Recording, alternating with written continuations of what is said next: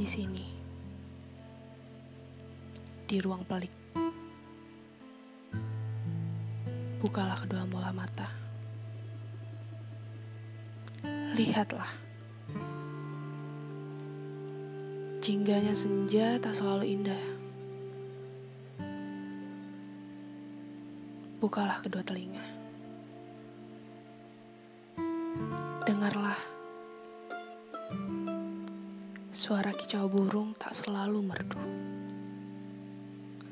Namun, bukalah hati.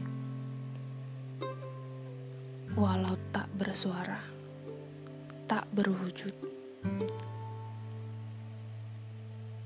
Ia paham